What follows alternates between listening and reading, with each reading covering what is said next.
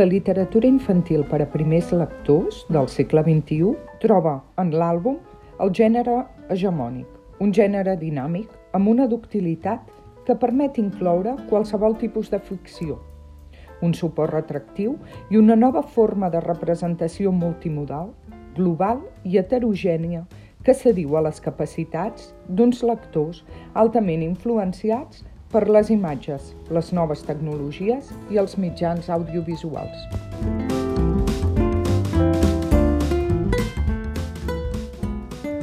Sigueu benvingudes i benvinguts altra vegada a Tàndem. Comencem aquí un nou programa d'aquest podcast sobre literatura infantil i juvenil i mediació literària. Soc el Guillem, mestre, defensor de les biblioteques escolars i hobbit en potència. I m'acompanya, com sempre, la Marina, editora, lectora empadreïda i motivada de la vida. Hola Marina, i avui faré la pregunta que fa molt temps que no, que no dic. Com estem avui? és que la meva parella sempre em deia és que sempre comences igual. Sí, que pareix gravat, pareix gravat i no ho és. Um, estic molt bé, com sempre, jo també, um, i amb moltes ganes d'escoltar i d'aprendre d'aquest programa, perquè tu diràs, tu diràs. el tema del programa m'apareix molt important, però és un, és un tema que tu saps que me queda molt lluny. Sí, a mi, o sigui, no tant, però també ja em costa, a tu més. Clar, clar, jo anys llum. Um, però clar, d'entre totes les persones que podien venir a xerrar d'aquest programa, la veritat és que s'hi ha d'aprendre que sigui així, no? Home. Així que, Cristina Correro, benvinguda a Tàndem. Moltes gràcies. Uh, un plaer estar amb vosaltres aquesta tarda. Que bé. Um, sabem que no ha sigut fàcil fer la parada aquí, llavors t'agraïm com doble aquest esforç. Um, encara seguim una mica flipant, per dir-ho d'alguna manera, uh, que la gent dediqui el seu temps a, a, a venir, a parlar amb nosaltres. Que ens digui que sí, que ens és, respongui els e-mails. Exacte, és, és com xulo. En fi, ara et presentarem i farem una breu biografia. Si hi ha alguna cosa que no està bé, que cal modificar, afegir, eh, tu endavant, senta't lliure. Aviso que és llargueta, d'acord? A veure, la Cristina Correro va estudiar Filologia Catalana i és doctora en Educació, amb menció internacional. També és llicenciada, llicenciada en Finances i Dret Internacional, que això em va fer gràcia, com a, com a detall. Per altra banda, també va cursar el màster de professorat de secundària i el màster oficial d'iniciació a la recerca en didàctica de la llengua i la literatura. Per tant, bàsicament és experta en tots aquests àmbits i, sobretot, en literatura infantil. De fet, combina la docència, el grau d'educació infantil de la, de la Universitat Autònoma de Barcelona amb la docència, el màster de biblioteques escolars i la coordinació del màster Erasmus Mundus Children's Literature, Culture and Media, que ens hagués encantat fer a nosaltres, però ja eh, estem... Bueno, mai te, trobes, mai. te trobes vell per fer-lo? No sé, no sé, poder no, poder no. no. Mai diguis mai, mai diguis mai, però no hi era quan vam, miràvem màsters nosaltres. En fi, eh, però que a més a més cal afegir-hi que és professora a la Universitat de Nantes, a França, i per si totes aquestes coses fossin poques, també té temps d'investigar, de col·laborar al Consell de Redacció de Faristol, d'ocupar un dels pisos d'aquella escala que es diu Llibres al Replà, i d'haver passat temps també en grups de treball de l'Associació de Mestres de Rosa Sensat. Per no parlar, ja de pas, del llibre de literatura, eh, perdó, del llibre La literatura a l'educació infantil que ha escrit al costat de la Neu Real. Bé, Sí, mm. calla ja, perquè no l'entrevistarem. Pues que, clar, sí, anava buscant coses, anava i dic, però és que no, no puc parar, és que... Mare meva, eh, Cristina, no són poques les coses que hem anat fent, no? Bé, um, totes són certes, eh? Bé, I, ho he fet bé, ho he fet bé, però... I sí, tota la gent em demana, però com és que vas fer filologia, després finances i dret internacional? I us ho explico breument perquè la gent no s'ho pensa, però i té molt a veure. Wow. I és que en filologia tu aprens a analitzar, analitzes novel·les, analitzes sintaxi, analitzes. I què fa un controller o un auditor intern, que és una de les feines que acabes fent quan, quan estudies finances i dret internacional? Doncs analitzes, analitzes el que fan les empreses i cada empresa és una història, com cada llibre, no? que mm. conté una història. Per tant, no són gaire diferents uh, les dues coses.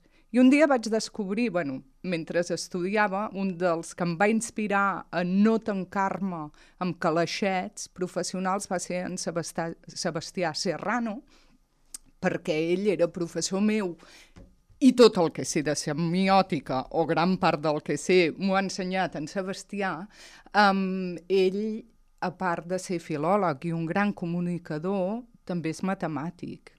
Mm. I sempre ens deia, però escolteu, jo no sóc l'únic, mireu Noam Chomsky, també té aquestes uh, vessants diverses, no? I això és un principi que, que, uh, que m'ha portat a estudiar diferents coses que en el fons s'assemblen, perquè amb un analitzes paraules, personatges, i amb l'altre analitzes uh, xifres i situacions. Meravellós. I ara entenc perquè quan vam fer la presentació del màster de biblioteca se'ns va renyar pel tema de les xifres, ah, perquè li ve de, de per aquí. Per cert, he fet els deures, eh? que sàpigues. Eh, de tots els programes, parlo de la, des de que estem aquí a BTV, és a dir, la temporada passada i d'aquesta, tots els programes estan entre les 124 i les 500 escoltes. Molt bé. Eh, I aquesta última setmana ens han escoltat 160 usuaris. Això és el, és el primer... Perquè així, molt vos ràpid. posaré en context, i és que quan vàrem anar a, a fer la inauguració del màster de biblioteca escolar, la, la Cristina Correa ens va fer una pregunta i ens va deixar bàsicament en bragues, sí. perquè ens va demanar "I quines són les estadístiques del vostre podcast i no- nosaltres... No en teníem ni idea. I això que BTV ens va enviar. les Ens va enviar la... estadístiques i no ho moment, vàrem no vam llegir. Des d'aquí vos demano... Sí, Núria, perdona'ns. Um, així que molt bé, molt bé, ha fet els Però bueno, deures. una mica allò, que com a mínim ja que ve. I amb aquesta presentació Sí, ja està. um, reafirma bastant uh, el que ens passa sabent quan ve, quan ve gent al programa, que és que podríem xerrar amb vosaltres de qualsevol cosa. I mira, fins i tot de finances amb, amb la Cristina. Però avui ens hem volgut centrar sí. una mica en, en, la, en la literatura i l'educació literària uh, des de l'etapa d'infantil, o fins i tot abans ja, ja ho decidirem, però m'agradaria començar amb la pregunta de per què és necessari o, és important reflexionar i tenir pensada quina serà la formació literària que donarem als infants des de l'etapa infantil. Uh -huh. Bé, m'agradaria posar una mica en context per què una filòloga economista arriba a la literatura infantil. El tot camí. això, tot camí. això, tot això, el camí té molta lògica, no? Perquè a filologia t'ensenyen com els grans autors i tot el passat literari, però en filologia no ets un bon mestre. Aleshores, jo de molt joveneta, quan vaig acabar filologia amb 20 i pocs anys i me'n vaig anar a estudiar finances i, bueno, acabar filologia a Alemanya i començar una segona, segona carrera, els motius per què vaig començar una segona carrera va ser precisament perquè no em sentia empoderada per sortir a les aules en aquella època, cinc anys de filologia. Jo no sabia que era un adolescent, mm -hmm. no sabia què és, era la psicologia evolutiva, la psicologia cognitiva. Aleshores, per mi, la, la, el perfil docent té molt de respecte. Per tant, vaig dir, ho deixo aquí de moment, faig una altra carrera, etc. Al cap d'uns anys, quan per motius de familiars jo començo a crear una família, tenir nens i buscar una feina on pogués com compatibilitzar la meva vida familiar amb la laboral, vaig dir, hòstia, però jo, perdó, um, jo era fi filòloga, per tant, no volia donar classes perquè em faltaven uns coneixements, de conèixer qui tenia al davant. I aleshores vaig trobar en la Teresa Colomer i l'Anna Maria Margallo i la Mireia Manresa, que en aquella època feien per primera vegada el primer màster professionalització de la formació del professorat de secundària i batxillerat. Abans d'això hi havia el CAP, que vosaltres sou molt joves, però els que ja tenim una edat, quan estudiàvem filologia o filosofia o història, feies un curset de tres mesos i apa, cap a l'Insti. Mm, els resultats són els que són. Aleshores, quan vaig veure aquest màster amb aquests noms, dic, ostres, això és precisament el que a mi em fa falta, perquè a part d'aprendre de literatura i ensenyar de literatura, t'oferien uns mòduls de psicologia, de sociologia, és a dir, de saber moure't dins una aula Clar, vaig fer aquest màster i em va passar exactament el que us ha passat a vosaltres, que va ser amor a primera vista. Era com entrar en un teatre que se t'obrissin les cortines i dir jo em vull quedar aquí Clar. dintre. Vull dir que gran part de culpa de que jo avui estigui aquí són noms que tenim compartits com Colomer, Margallo, Manresa, no? que t'ensenyen totes aquestes didàctiques de la literatura que jo fins aleshores desconeixia, perquè això a filologia no es toca mai. És clar, la, vaig fer aquest màster, la Teresa em va oferir una feina a la universitat amb la condició de que fes tesi. I vaig dir, val, per què no? Faig tesi i llegint la seva tesi me'n vaig enamorar. Aleshores li vaig dir, escolta'm, Teresa, què et semblaria si jo continués una mica la teva tesi veient què ha passat 20 anys després, però a mi personalment, com que la producció ha augmentat tant, dedicar-me únicament als 0-8 anys. I també perquè, a part de que havia sigut mare i a part de que tot el que llegia validava coses que eren intuitives fins aleshores, de que el més important se juga als 0-8 anys. També és en aquell moment on donem les mateixes oportunitats a tothom. És a dir, si comencem l'educació literària el més aviat millor, farem que entre els ciutadans d'aquest país no hi haguin tantes diferències. Diferències cognitives, perquè evidentment la literatura ajuda també a nivell cognitiu a posar ordre i a, i, i estimular tot el que tenim a dintre, mm. i totes aquelles altres com la lingüística, l'emocional, la patrimonial. Per tant, són en aquests primers anys de vida on s'hi juga tot. I a mi era una etapa que m'interessava, però també era una etapa on no hi havia murs entre les disciplines, sinó que hi havia aquelles cortines. Aquelles cortines que se podien anar obrint i que no només ensenyaves literatura, sinó que també ensenyaves matemàtiques, ensenyaves uh, uh, psico, ensenyaves les disciplines, no és, ara farem, nens, una horeta d'anglès, després una horeta de llengua catalana i després una horeta de uh, gimnàstica. No, a l'educació infantil les disciplines, les fronteres són cortines. O sigui, ara entenc, pues realment té molta lògica. El, el, el camí és molt xulo. Eh, llavors, ho has apuntat, ara començaves i ho has deixat una mica així a l'aire, llavors jo ara vull insistir una miqueta. Eh, una mica agafant la, la pregunta que ha fet la Marina i sobretot, és a dir, què ens, què ens, què ens ajuda o què aporta el fet que l'infant eh, entri en contacte des de tan petit amb la literatura, amb els contes, amb tot això? Què ens aporta o què, en què ens ajuda? O a què l'ajuda a ell o a ella? De fet, només hi ha que aspectes positius. Um, aspectes que els podem veure i que són tangibles i quantificables, ja sabeu que m'agrada quantificar les coses, i aspectes de que no són quantificables però no, no, no per això no gens menys importants. Um, D'entrada, jo sempre explico a les classes que la literatura comença al ventre matern. I comença al ventre matern amb les cançons de Bressol, amb la veu del pare i de la mare. De fet, ara a França, uh, quan una parella està esperant, ja hi ha tallers d'educació literària um, prenatals. Boníssim eh? i de comunicació prenatal, perquè cada vegada ens estem adonant, um, fins al segle XVIII es pensava que els nadons eren una tàbula rasa. Menjaven, dormien, pum. O et deien, buf, no se'n recordarà. Sí, sí que se'n recorda. Tot això queda impregnat amb el nadó, no? I les capacitats comunicatives comencen molt abans de la parla.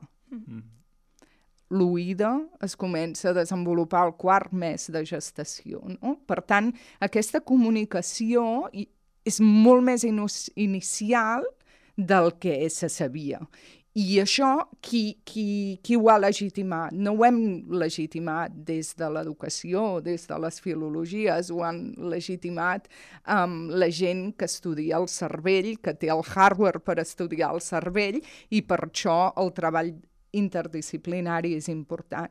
I ara em demanaves per què és important? Doncs d'entrada per això, per veure les capacitats comunicatives dels infants, identificar-les i desenvolupar-les, acollir-les, dir-los som aquí i estem aquí per explicar-te, cantar-te, llegir-te, estem aquí per tu, per compartir, per iniciar-te en un camí que et lligarà per sempre una o diverses cultures, perquè no només tenim una cultura, eh?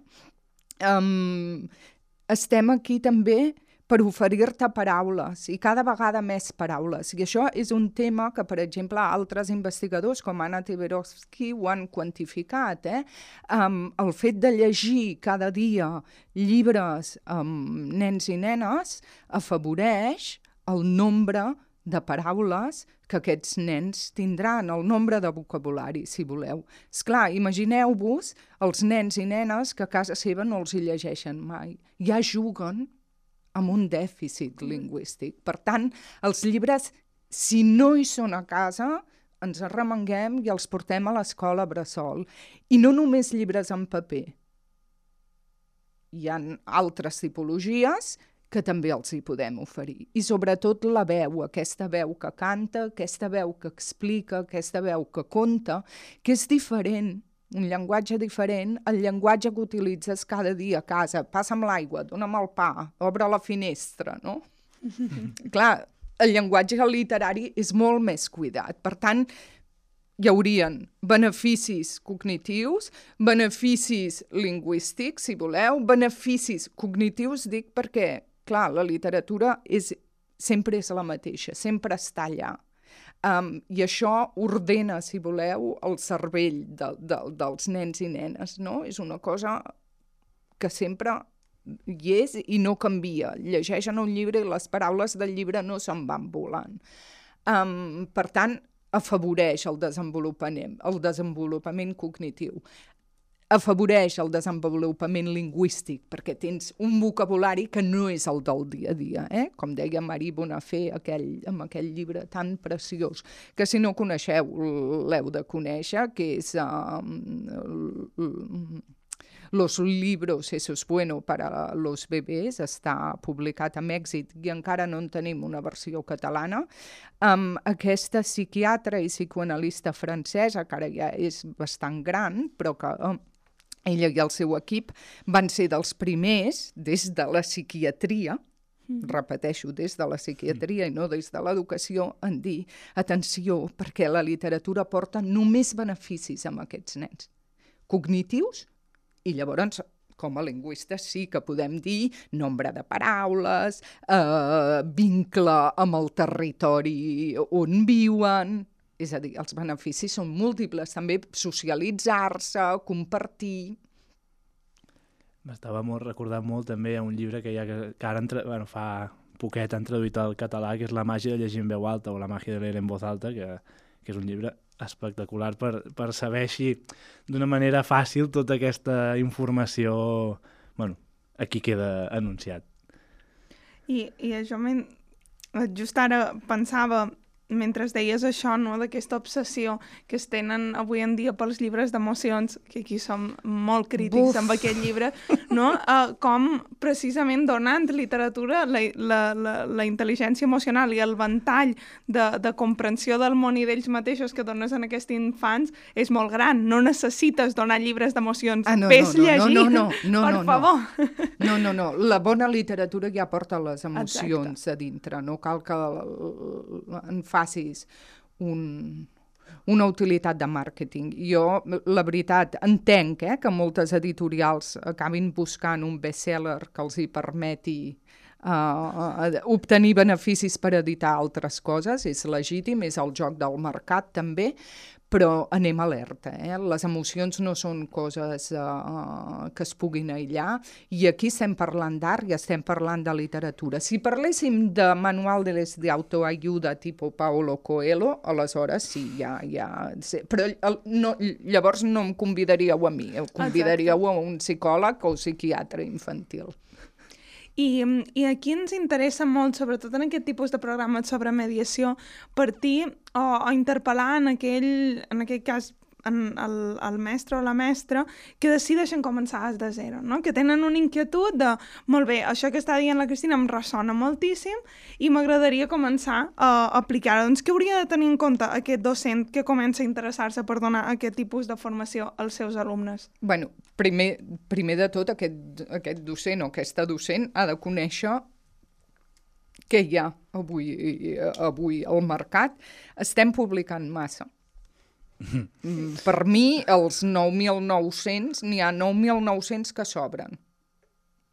No hauríem de tallar tants arbres ni de, no. de, de, de metre tants gasos per produir tot el que s'està produint. Per tant, siguem curosos amb això, no cal produir tant, um, cal produir millor i editar millor. Mm, això, primer. Aleshores, com a mestre, ser molt conscient de què portes a l'aula. Alerta amb les famílies o amb aquelles escoles que agafen qualsevol mena de llibres. Aquí no tot s'hi val. L'escola no és una paperera, no és allò que no volen les famílies, vinga, va, fem a la biblioteca d'aula, no? Uh, no, la mestra ha de tenir un criteri d'esporga, uh, però per això cal que el mestre o la mestra llegeixi, conegui el que s'està fent avui. Clar, amb 10.000 títols és bastant impossible llegir-s'ho tot. De fet, jo em costa, amb el meu 08, a, a llegir tot el que s'està produint. Per tant, més o menys ja saps quins autors, quins il·lustradors faran coses que, que estan bé, quines editorials produeixen el que s'està bé, i vaig triant però el primer que hauria de fer és conèixer el mercat editorial. I amb això, només escoltant-vos a vosaltres, eh, mirant el que s'està recomanant des de l'IBICAT, antic Consell Català del Llibre Infantil i Juvenil, mirant el que està fent l'Amàlia Ramoneda amb el Garbell i el, el, les seves companyes i companys um, de Rosa Sensat, ells sí ens fan aquesta tria. Mm. Per tant, tenim com a mestres, no? eh, ens podem basar a vegades, o el que fem al replà dos cops l'any, que en fem una selecció d'hivern i d'estiu, doncs aquí ja, ja anem seleccionant el bo i millor. I aquest mestre i mestra que està en diferents escoles, amb diferents nens, primer de tot, veure la foto zenital des de dalt. Ok, i quants n'hi ha? 10.000, 10.000 no me'ls llegiré, vinga, m'agafo amb aquestes seleccions d'aquestes institucions, en tinc una centena. Evidentment, no totes les escoles poden comprar 100 llibres, um, els tenen a la meva biblioteca de proximitat, quin pressupost tinc? I més important, quin tipus de nens tinc? Tinc nens um, de famílies lletrades que ja coneixen uh, Ungerer, ja han llegit Sendak, ja saben tot Pontí, ja han passat pels versos de Desclot, és a dir, uh, i aquí em sembla que la meva companya, la Mireia Manresa, ja també devia parlar de, de, de, del diagnosi, hem de fer la diagnosi. Quin tipus d'alumnat tenim en aquesta escola, què han llegit, què no han llegit, i a partir d'aquí, quins són els imperdibles. Mm. Però és una radiografia molt útil i molt, molt clara no? de, de què s'ha de fer. I de fet, en una entrevista que us havien fet a la Neus Real i a tu, parlàveu de, com de tres, també, tres pilars eh, importants per portar literatura a l'aula, que eren espai, corpus, que és una mica el que ara deies, i activitats. Uh -huh. Llavors, Parla'ns dels altres dos, del tema espai i sí. el tema activitats. Bé, això, la Neus i jo, amb això vam agafar um, les bases de la Teresa Colomer sobre l'educació literària, no? De, que hi ha aquests tres pilars. Aleshores, els vam aplicar a infantil. Com ho faríem, això? Mm. Esclar, no són les mateixes activitats a secundària uh, que infantil. Per tant, aquí has de buscar um, dinamitzacions diferents. Primer de tot, el corpus, ja l'hem explicat. Segon, um, els espais. Necessitem programar. O sigui, aquestes escoles que els nens decideixen tot el que fan a l'hora que ho fan, um, en certs moments està molt bé, però nosaltres som mediadors i educadors i estem allà per acompanyar, estem allà per proposar. El nen no et dirà, escolti'm, em pot portar un sèndac, per favor? Si mai ha descobert que és un sèndac, no? no. O si mai ningú... Però si nosaltres un dia li llegim els tres bandits, per exemple, o els hi llegim Crictor, um, diran, ah, jo vull un com aquest, no? Um, mira, un Ungerer, però ah. perquè nosaltres ja li haurem llegit. Per tant, um, els espais han de ser espais físics, que, uh, llocs on vingui de gust seure, passar-hi temps, tenir-hi estones per passar-hi temps i per tenir-hi estones cal programar al matí, tres cops per setmana, dos cops per setmana anar a la biblioteca de centre si n'hi ha, um, que els nens i nenes identifiquin que hi ha un espai geogràfic i temporal on entraran en contacte amb la literatura. Això pel que fa als espais. I aleshores les activitats, aquí sí, que a vegades podem deixar simplement aquesta llibertat de dir llegim en veu alta i ja està. I això està també molt bé, i sobretot a les edats més primerenques, en una classe de lactants i de caminants, llegeixes. Que, que no vulguis allà, vinga, no, no, ara han d'aprendre, no, tindria, seríem molt pesats, probablement, no? Però hi ha escoles que, que a vegades ho tenen com a rutina um, diària, cantar cançons de bressol, um, explicar un àlbum conjuntament i ja està. I a vegades fan activitats totalment immersives, i aquí, per exemple, a Barcelona tenim escoles bressols municipals que estan fent una feina eh, collonuda, com per exemple a Can, Car Can Caralleu, a Barcelona, o altres escoles eh, bressols eh, d'altres districtes, com a Gràcia o a l'Eixample, i que a partir d'un llibre tot l'univers d'aquella aula es converteix en els escenaris d'aquell àlbum. I els nens veuen saltar gallines de Beatrice eh, eh, Rodríguez o veuen entren tant en el món ficcional de l'àlbum que s'enriqueix la lectura i és una lectura que queda. Algun projecte, això ho tenim al llibre que vam publicar amb la Neus, que ha citat abans, Uh, la directora de Can Caralleu, la Mercè, parla d'algun dels projectes. Eh? Um, ja també hi havia la Maria Rovira, quan estàvem a escoles, una educadora d'Escola Bressol de Sant Cugat del Vallès, ella va fer un projecte literari entorn a Bruno Monari amb lactants, que wow. era espectacular. Clar, ja no és voler que prenguin alguna cosa, sinó és sensibilitzar i ampliar aquesta dimensió literària a la dimensió del dia a dia, i això és molt enriquidor per l'educació infantil. Wow.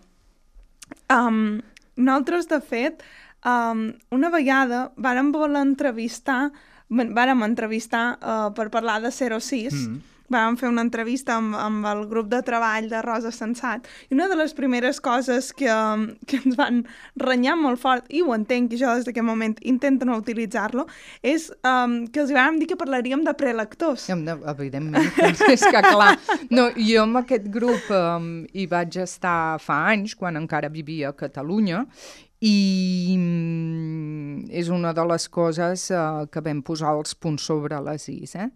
No es pot parlar de prelectors, ni es pot parlar de preliteratura. Molt bé. Per què? Perquè encara no, perquè... no ho hagi entès. Nosaltres ja vam aprendre sí, sí, sí, lliçó. perquè són obres literàries, en tots els ets i uts. Perquè hi ha un treball d'artistes que dominen el llenguatge o que dominen un codi visual. Per tant, és menys tenir, és com aquell, uh, aquells... Però que encara hi és molt present, sobretot en les generacions més diguéssim, ara em surt en francès, gent més vella. Sí, més, més, sí, gent més gran. Més madura, la mm. gent més gran, no? I que, que menys tenen, com la literatura infantil, com que és allò fàcil, és allò curt, um, aquesta gent no sap del que està parlant perquè no coneix la, la producció actual i la complexitat que pot tenir la producció actual és uh, indignant que un professor de secundària cobri més que un educador d'educació infantil. Mm. És indignant que un professor de primària estigui més ben considerat que un educador infantil. És indignant que moltes universitats la gent més ben qualificada estigui en aquelles etapes més superiors que no amb els del grau més, uh, per exemple, d'educació infantil. Jo quan vaig entrar a l'autònoma fa molts anys, tu has dit abans flipar, jo vaig flipar, perquè em van deixar educació infantil, les classes de literatura a l'educació infantil, vaig pensar, però que estan bojos, si és el més important. Jo, clar, encantada de la vida, més com que venia molt llegida de França i sabia la importància que tenia el 0, jo parlo de 0,8, no parlo de 0,6, perquè idealment començaria primària amb 8 anys, eh? Um, però es tenia com, vinga, els nous, doncs va, infantil. També passa amb traducció, sí. que quan comencen els traductors diuen, ai, va, que comenci amb infantil perquè és més fàcil, uh, perdona. Llavors tenim els errors que tenim, que hem d'estar trucant a les editorials dient que heu traduït. Mm. Per què no heu traduït això? És que el traductor no sap de literatura infantil, no? perquè la menys tenen. Per tant, a les meves alumnes de l'Autònoma i d'arreu els explico que això de prelectors és dels anys 70, però que avui en dia són lectors i comencem a llegir el món al ventre matern, repeteixo, eh? si no, uns quants anys i la neurociència ens ho demostrarà i llavors diran, ai sí, tenia raó. S'ha relaxat i tot, no? Som... Sí, Crec que pots um... agafar aquest, aquest minut, dos minuts de resposta i, i posar-lo a molts llocs, eh? De, els, enviarem, els enviarem per grups de WhatsApp. Sí, i a tot... determinats llocs així d'altes esferes també aniria bé tant, tant que ho escoltessin. Sí, perquè a més és molt curiós com tot va impregnant ja no només la literatura, ja no només el lector, sinó aquells que ens hi dediquem, no? De, quan jo al principi recordo les cares de quan, quan deia que editava infantil i juvenil, és que semblava que, ai, pobre, no ha trobat feina a, a editorials d'adults. No, no, no, és, és, és per, per moto propi, no? Però i a tu també t'ha deu passar. Però és curiós com, com va impregnant totes aquestes esferes de la gent que, que mos hi dedicam, Home, no? Esclar, passa, ara ja passa molt menys, però a mi m'arriba a passar de, amb aquestes notes te'n vas a fer de mestre. Clar. Eh, pues, pues sí. I ben content que estic, diguéssim. No, no, però tenim un problema en aquest no. país en la consideració dels docents. Ah, pues sí. I, sí, sí. Molt gran. I el que diu la, la Cristina, jo estic totalment d'acord. Jo sóc fan de les mestres d'infantil de la meva escola. Jo no, no sé si ho podria fer. La feinada que fan és espectacular. Un nen que no aixeca més d'un pam de terra gairebé i el porten a tot arreu i els hi fan fent virgueries. És, és espectacular. I realment no, no tenen el, la rellevància ni, ni el valor que es mereixen. I no. això que quedi, que quedi molt, molt Que clar. quedi, i a més a més la formació també. Fixa't les hores de formació d'un grau i de l'altre, expliqueu-me quina diferència hi ha. Diria que cap. No? en fi, dit això, um, hi ha una cosa que ara m'ha quedat així al, al tinter i, i ho recupero, que és que quan parlaves d'aquesta idea de, de pensar bé el que els hi mostraràs als infants i el que els hi portaràs com a mestre, ara sí que parlo, eh? Llavors, com podem imaginar, o com a mestre, com puc imaginar aquest itinerari lector que mm. han de seguir els meus alumnes dins la meva classe? Crec que és una cosa interessant, a, ei, per, sobretot pels que això que deia, no? un que comença, un que comença a mm-hmm. plantejar-s'ho, com es pot imaginar aquest itinerari? Quins recursos pot fer servir? Com... Mm. Sé que és molt àmplia la pregunta, mm -hmm. però bueno, a veure si ens pots donar alguna, alguna idea. Sí. Bé, qui vulgui llegir més sobre el tema, perquè ara aniré a sac, um, a la meva tesi hi ha un possible itinerari dels 0-8 anys dividit en diferents etapes que corresponen a les etapes escolars. Jo ho iniciaria amb l'etnopoètica, és a dir, ventre matern, cançons de bressol, percussions africanes, etc etc. Després començaria amb tot el que... I això no ho deixaria mai, eh? Uh, uh -huh. Tenim un blog, la Núria Vilà, una professora emèrita de la Universitat Autònoma, uh, va fer un blog que es diu Jocs de Falda, Uh, juntament amb, amb alumnes del màster de llibres i literatura infantil, on recollien tot de materials per promocionar aquesta llengua de tradició oral amb els jocs de falda. Jo tinc una mm, llista Spotify oberta a tot el públic que es diu Babil Babel versus du Monde, està, el títol està en francès, però és bastant fàcil, on podeu escoltar més de 15 hores de cançons de bressol d'arreu del món, i això són treballs que fan les alumnes d'aquest màster internacional que fem entre Glasgow, Dinamarca, Glasgow, Arus a Dinamarca, a Barcelona, a Polònia i Holanda, i una de les, uh, dels treballs que han de fer a la meva assignatura és precisament um, treballar cançons de bressol de la seva llengua materna i totes estan indexades en aquesta llista Spotify. Per tant, per classe de lactants uh, i, i la literatura de tradició oral, l'etnopoètic, amb cançons de bressol, després amb contes de tradició oral, després amb llegendes i tot això, allà i, i, i allà hi hem de continuar. Després, quan ja comencen a seure, clar, quan un nadó ja seu, pot moure les mans. Al moure les mans ja pot agafar el llibre. Això ens ho va ensenyar molt bé la Helena Oxenbury amb la seva sèrie del Petitó, aquells llibres de cartoner, que fins i tot hi surt un nen agafant un llibre del revés, però això, l'educació literària també comença aquí, a saber manipular el llibre. Quan el podem manipular, el llibre? Quan ja podem seure, perquè tenim les mans lliures. Per tant, allà, donant llibres amb cartoner, de primeres representacions, el que es diu en anglès early concept books, baby mm. books.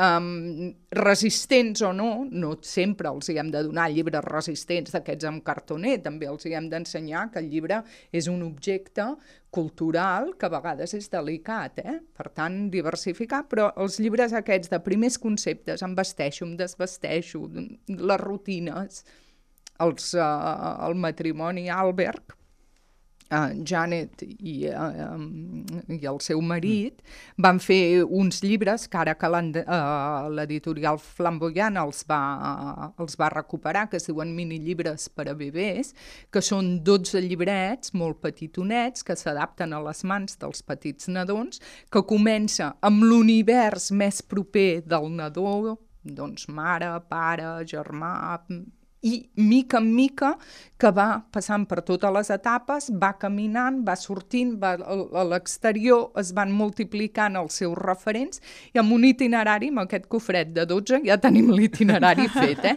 Um, per tant, llibres d'aquests. Després, quan hi ha dels 18 als 24 mesos, que hi ha aquesta explosió de vocabulari, van molts bé els llibres de la Rotrau, Susanna Werner, de les estacions, el que se'n diu en alemany Wimmelbücher, um, que són llibres atapeïts um, plens de històries, mm. on ningú t'està dient tu seu aquí, ara t'explicaré una història, hi havia una vegada, sinó que ets tu, lector, el que esculls la teva història. Mm. I això és molt potent perquè motiva els infants a... Ah, ah, i els vas tibant i els hi vas narrant i van adquirint vocabulari. I ja quan el vocabulari ja hi és una mica, ha aquest sentit de la història, ja el comencen a tenir cap als 3 o 4 anys, hi ha àlbums més narratius, on passen coses. Però aquest canal popular i etnopoètic sempre ha d'estar allà, perquè precisament els àlbums que vindran després a vegades juguen amb aquest. Clar de literatura més tradicional, no?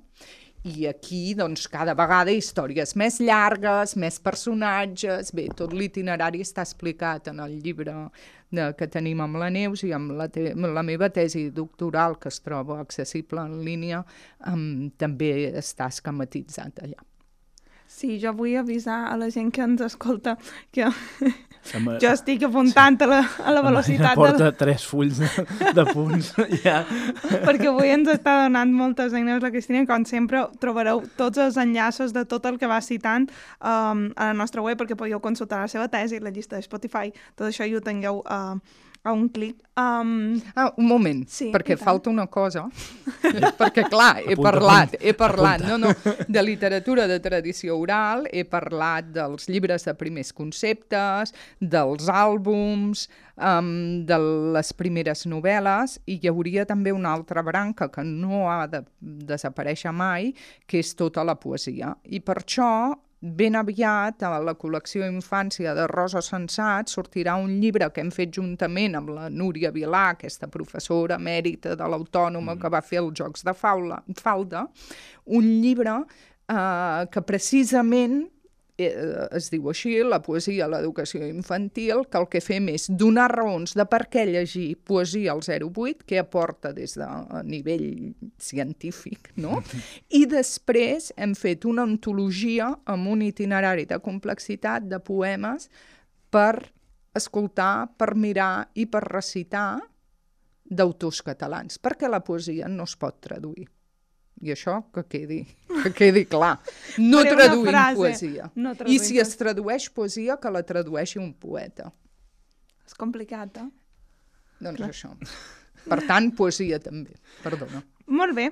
Um, ja que xerràvem tant de, de, de com es concep la formació del, dels docents i, i sobretot en aquestes primeres etapes, uh, com la veus, la formació? Tu que també sí estàs immersa, mm. la formació docents en Insuficient. l'etapa inicial. Insuficient. Vaig fer el càlcul l'any 2019, em van convidar al Ministeri d'Educació de japonès per unes jornades um, de parlar de la formació tant de docents com bibliotecaris en literatura infantil. I és allò que en anglès es diu un benchmark, no? que poses com es fa al Japó, com es feia als Estats Units, com es feia al Canadà i com es feia a Catalunya. I per preparar eh, aquesta ponència eh, vaig calcular-ho. De fet, la formació literària que reben els nostres mestres en literatura infantil, atenció al dato, no arriba al 10%. A primària i molt inferior a infantil. Per tant, és insuficient. Sí que tenen, per exemple, el grau de primària i d'educació infantil.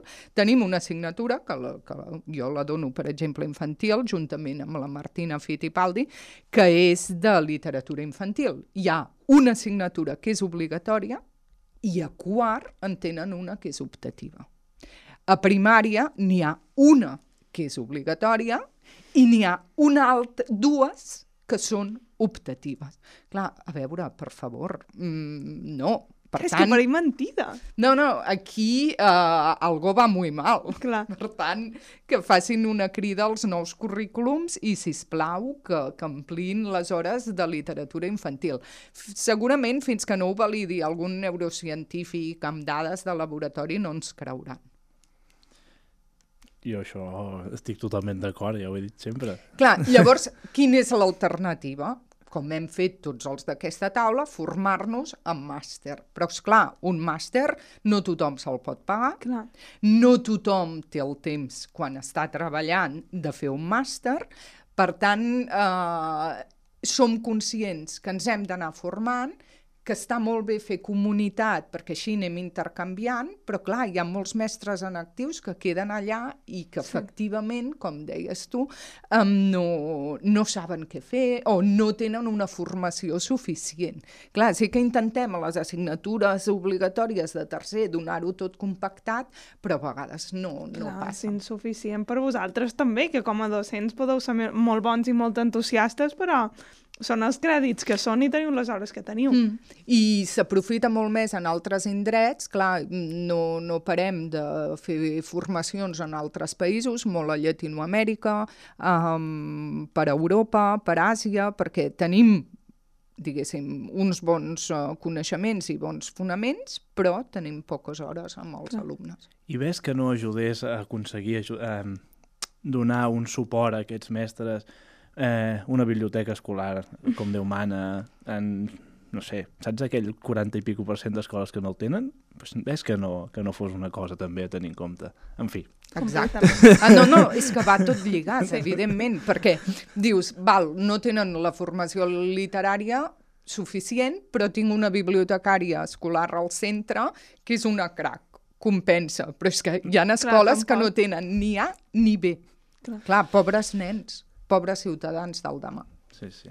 I com, com hi entra la literatura eh, digital en, en les primeres edats? Buf, uh, tema molt controvertit. A veure, i jo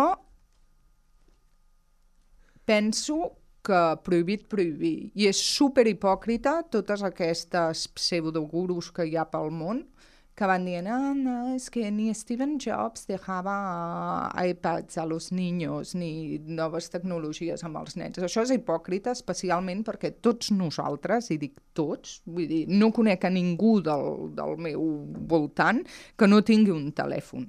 Evidentment no l'estem mirant tot el dia, però de tant en tant sí que es mira el telèfon, treballem davant de pantalles. Uh, la televisió la mirem a través d'una pantalla. Per tant, dir a un infant mm, jo estic el 70% del meu temps davant d'una pantalla, però tu no, uh, és hipòcrita. Completament.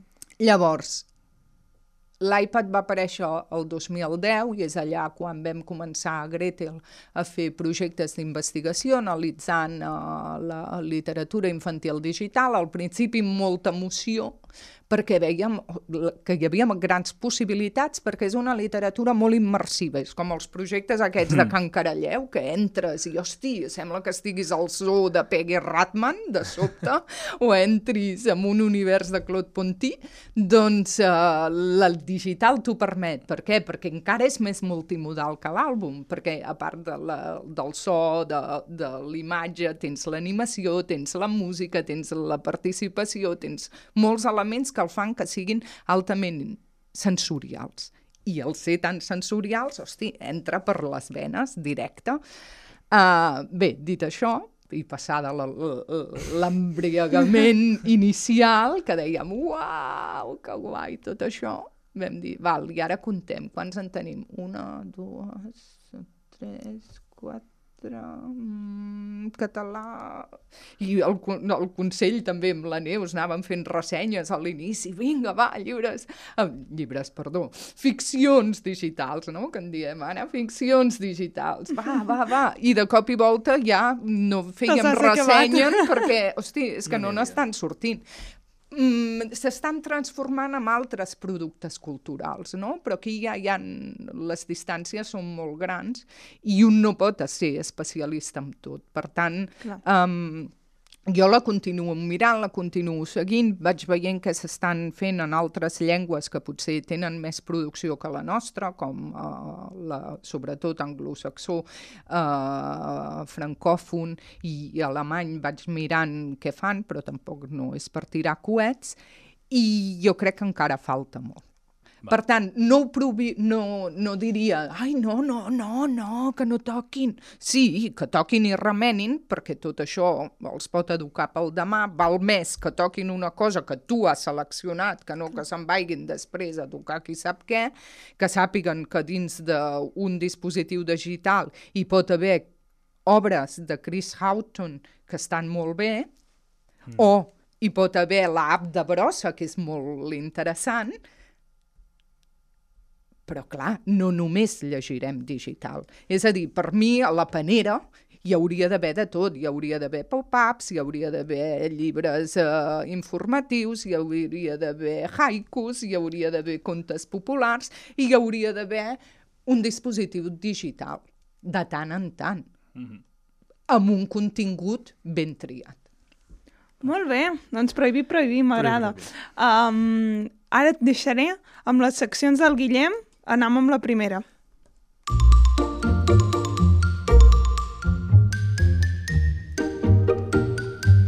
La pregunta dels infants. Que la començaré a anomenar la pregunta de l'inexpert o l'inexperta perquè depèn de quan, infant, infant... Bueno, relatiu. Un, un, una vegada per temporada. Clar, un de cada cinc hi ha un infant és que depèn de com és difícil. En fi, uh, no, no pel tema, eh, sinó per altres circumstàncies. En fi, crec que hauràs de ser també escuet amb la resposta, malgrat que crec que et podries extendre molt. Hola, Cristina. La meva pregunta és la següent.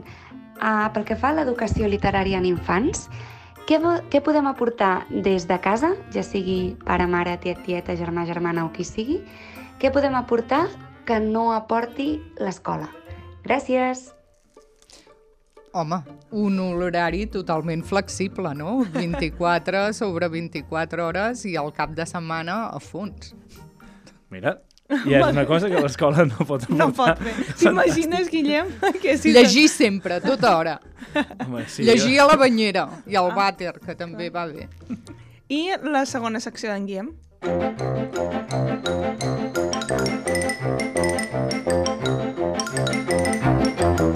Les preguntes llampec.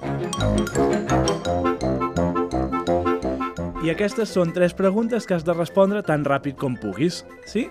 I curt. Primer, digues un personatge de la literatura infantil i ju o juvenil que et caigui realment malament. L'ogre de Zeralda. Perfecte. Hi ha algun motiu especial o... És lleig. Va, perfecte. I ja està. per què més? Segona, amb quin autor o autora t'agradaria anar a aprendre alguna cosa? Hi vaig, hi vaig molt sovint amb Jan Ashby, m'ho passo de conya. També amb Benjamin Shaw, ja sé que alguna de vosaltres us posareu gelosa. Sí, sí. és així. Molt bé. I tres, poca gent pot dir que se'n va a aprendre coses amb aquesta gent que voldria anar-hi, eh? En fi, tres, quin llibre no pot faltar mai a la teva tauleta de nit? Uh, pf, és que n'hi ha com 25. El primer que I quin és aquell que sempre hi és, encara que canvien els altres? Aquell que sempre hi és. No, és que sempre Ah, sempre canvien. canvien, eh? No, no, quan llegeixo un llibre l'ordeno i el xucla a la biblioteca i allà es queda. Mm, Val. Hi ha algun que t'hagis llegit últimament que diguis aquest l'heu de llegir? Aquest l'hem de llegir, sí, un... Uh, és que des d'una autora noruega l'ha publicat Pagès i és una novel·la, un estiu de luxe, una cosa així es diu. M'ha encantat. A la web el posarem. Sí. Doncs ja està. Ja Perfecte. tenim, això. Mira, o sigui, m'encanta perquè és ràpida quan vol. I quan, quan no també. Moltes, moltes gràcies, Cristina, per, per aquesta lliçó que ens has donat. Jo surt d'aquí molt més... Molt No, més no és una lliçó, és una conversa literària molt xula. I, i, però, però, però pel valor, jo aquí ho sent com si m'hagués apuntat a un curs. T'ho dic perquè he après moltíssim i segur que els nostres oients també. Sobretot una altra vegada més gràcies per fer-nos un forat, per venir. Um, ens quedaria molt més estona, sí, però... sí, però bueno, en fi, t'agradim moltíssim el temps, la- l'explicació, les paraules, tot. Eh, I res, que sàpigues que ens guardem el teu contacte per futures per ocasions. explotar-te. Moltes gràcies. Gràcies a vosaltres, una abraçada.